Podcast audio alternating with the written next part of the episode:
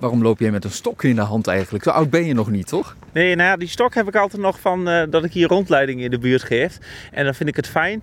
En als je die stok in de hand hebt, dan heb ik één, ik hou ervan iets in mijn hand hebben. En twee, als ik iets zie, kan ik ook heel mooi aan mensen aanwijzen wat er in dit landschap gebeurt en wat de verschillen zijn. Ja, en verschillen zijn hier te zien. Hè? Terwijl uur geleden waren we in de Bekkendellen, Natura 2000 gebied, met uh, de Lingen dus. De Slingen, welke is het? De Slingen. De Lingen is een andere rivier in het rivierengebied. Maar de Slingen hier bij Winterswijk stroomt daar doorheen.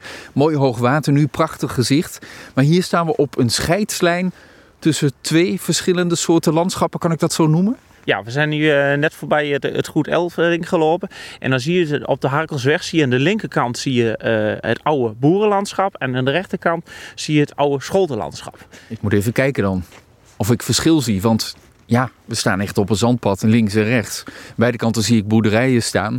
Rechts heeft wat mais gestaan. Hier uh, weet ik het, laat ik zeggen, aardpol of wat was het? Hier staat groenbemester. Dat is in principe wat er in de, uh, in de eind van het najaar wordt er dus uh, een tweede gewas ingezaaid op een akker. Om te zorgen dat de voedingswaarden in een akker blijven zitten. En die worden in het voorjaar er weer ondergeploegd. En dat zorgt dus dat je, je stikstoffen en je, je voedingswaarde in de akker behouden blijft. Oh, dat klinkt wel weer slim. Ja, nee, ja slimme boeren. Maar wat, wat is het verschil? Wat kan ik aan beide kanten zien, dat verschil? Want ik zie het niet zo duidelijk nog. Het is allebei het ouderwetse uh, glooiende landschap. Maar als je naar de linkerkant kijkt, dan heb je het oude boerenlandschap. En wat is daar gebeurd? Uh, die boeren hadden zelf die grond in. En die zijn wat meer gaan ruilverkavelen. En hebben er wat van die wallen weggehaald. Dus je ziet wel die, dat golvende landschap en de kavels die het helemaal recht staan. En het landschap bolt overal. Maar het is wat wijdser en opener geworden. Want die, die, al die wallen en die landschapselementen, die kosten kosten gewoon wat productie. Veel bomen zijn weg. Ja, maar je ziet, krijgt er wel weer een wijdse blik voor terug. Als je nou naar de andere kant kijkt, dan zie je uh, dat is het scholtenlandschap. Dat is de scholtens waren dus die herenboeren die uh, ook veel pachters hadden, dus veel meer welvaart, ook met hout bezig. En daar zie je eigenlijk diezelfde golving en die krommende akkertjes, maar zie je nog heel veel verschillende walletjes en bomenrijen en die andere elementen in het landschap. En dat is dus echt een contrast dat je kunt zien hoe een eigendom en de welvaart van de eigenaar zich terugvertaalt in hoe het landschap in elkaar zit. Het is hier um, relatief kleinschalig, hè? als je dat vergelijkt met andere plekken in het land. En dat is de kracht van dit landschap, want dat zijn de coulissen. Daardoor staan her en der nog mooie bomen, kleine bosjes. Is er landbouwgrond, zien we overal boerderijen staan. Is dit ook de toekomst, denk je, van de landbouw in ons land?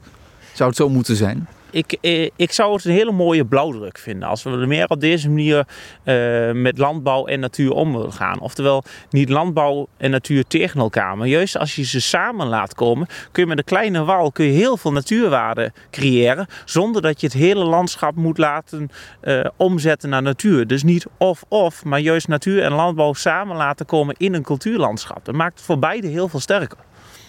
En dan hoeven we dus ook niet alles aan een natuurmonumenten te schenken. Of een staatsbosbeheer of een Gelders Landschap. Ik noem ze maar even de grote natuurorganisaties in Gelderland. Want dat zou misschien een andere oplossing kunnen zijn. Dat je gewoon van alles zegt natuurgebied. Want we zeiden wel wat gas in en zo, maar het is allemaal natuur. Ja, maar daarmee verlies je ook uh, een gedeelte van de essentie van het landschap. Dan moet ik trouwens wel aantekenen dat zowel uh, natuurmonumenten als Gelders landschap uh, hier samenwerken met de boeren. We hebben ook een paar pachtboeren die, die, die leven compleet van boeren op landschap van, van het Gelders landschap of op natuurmonumenten.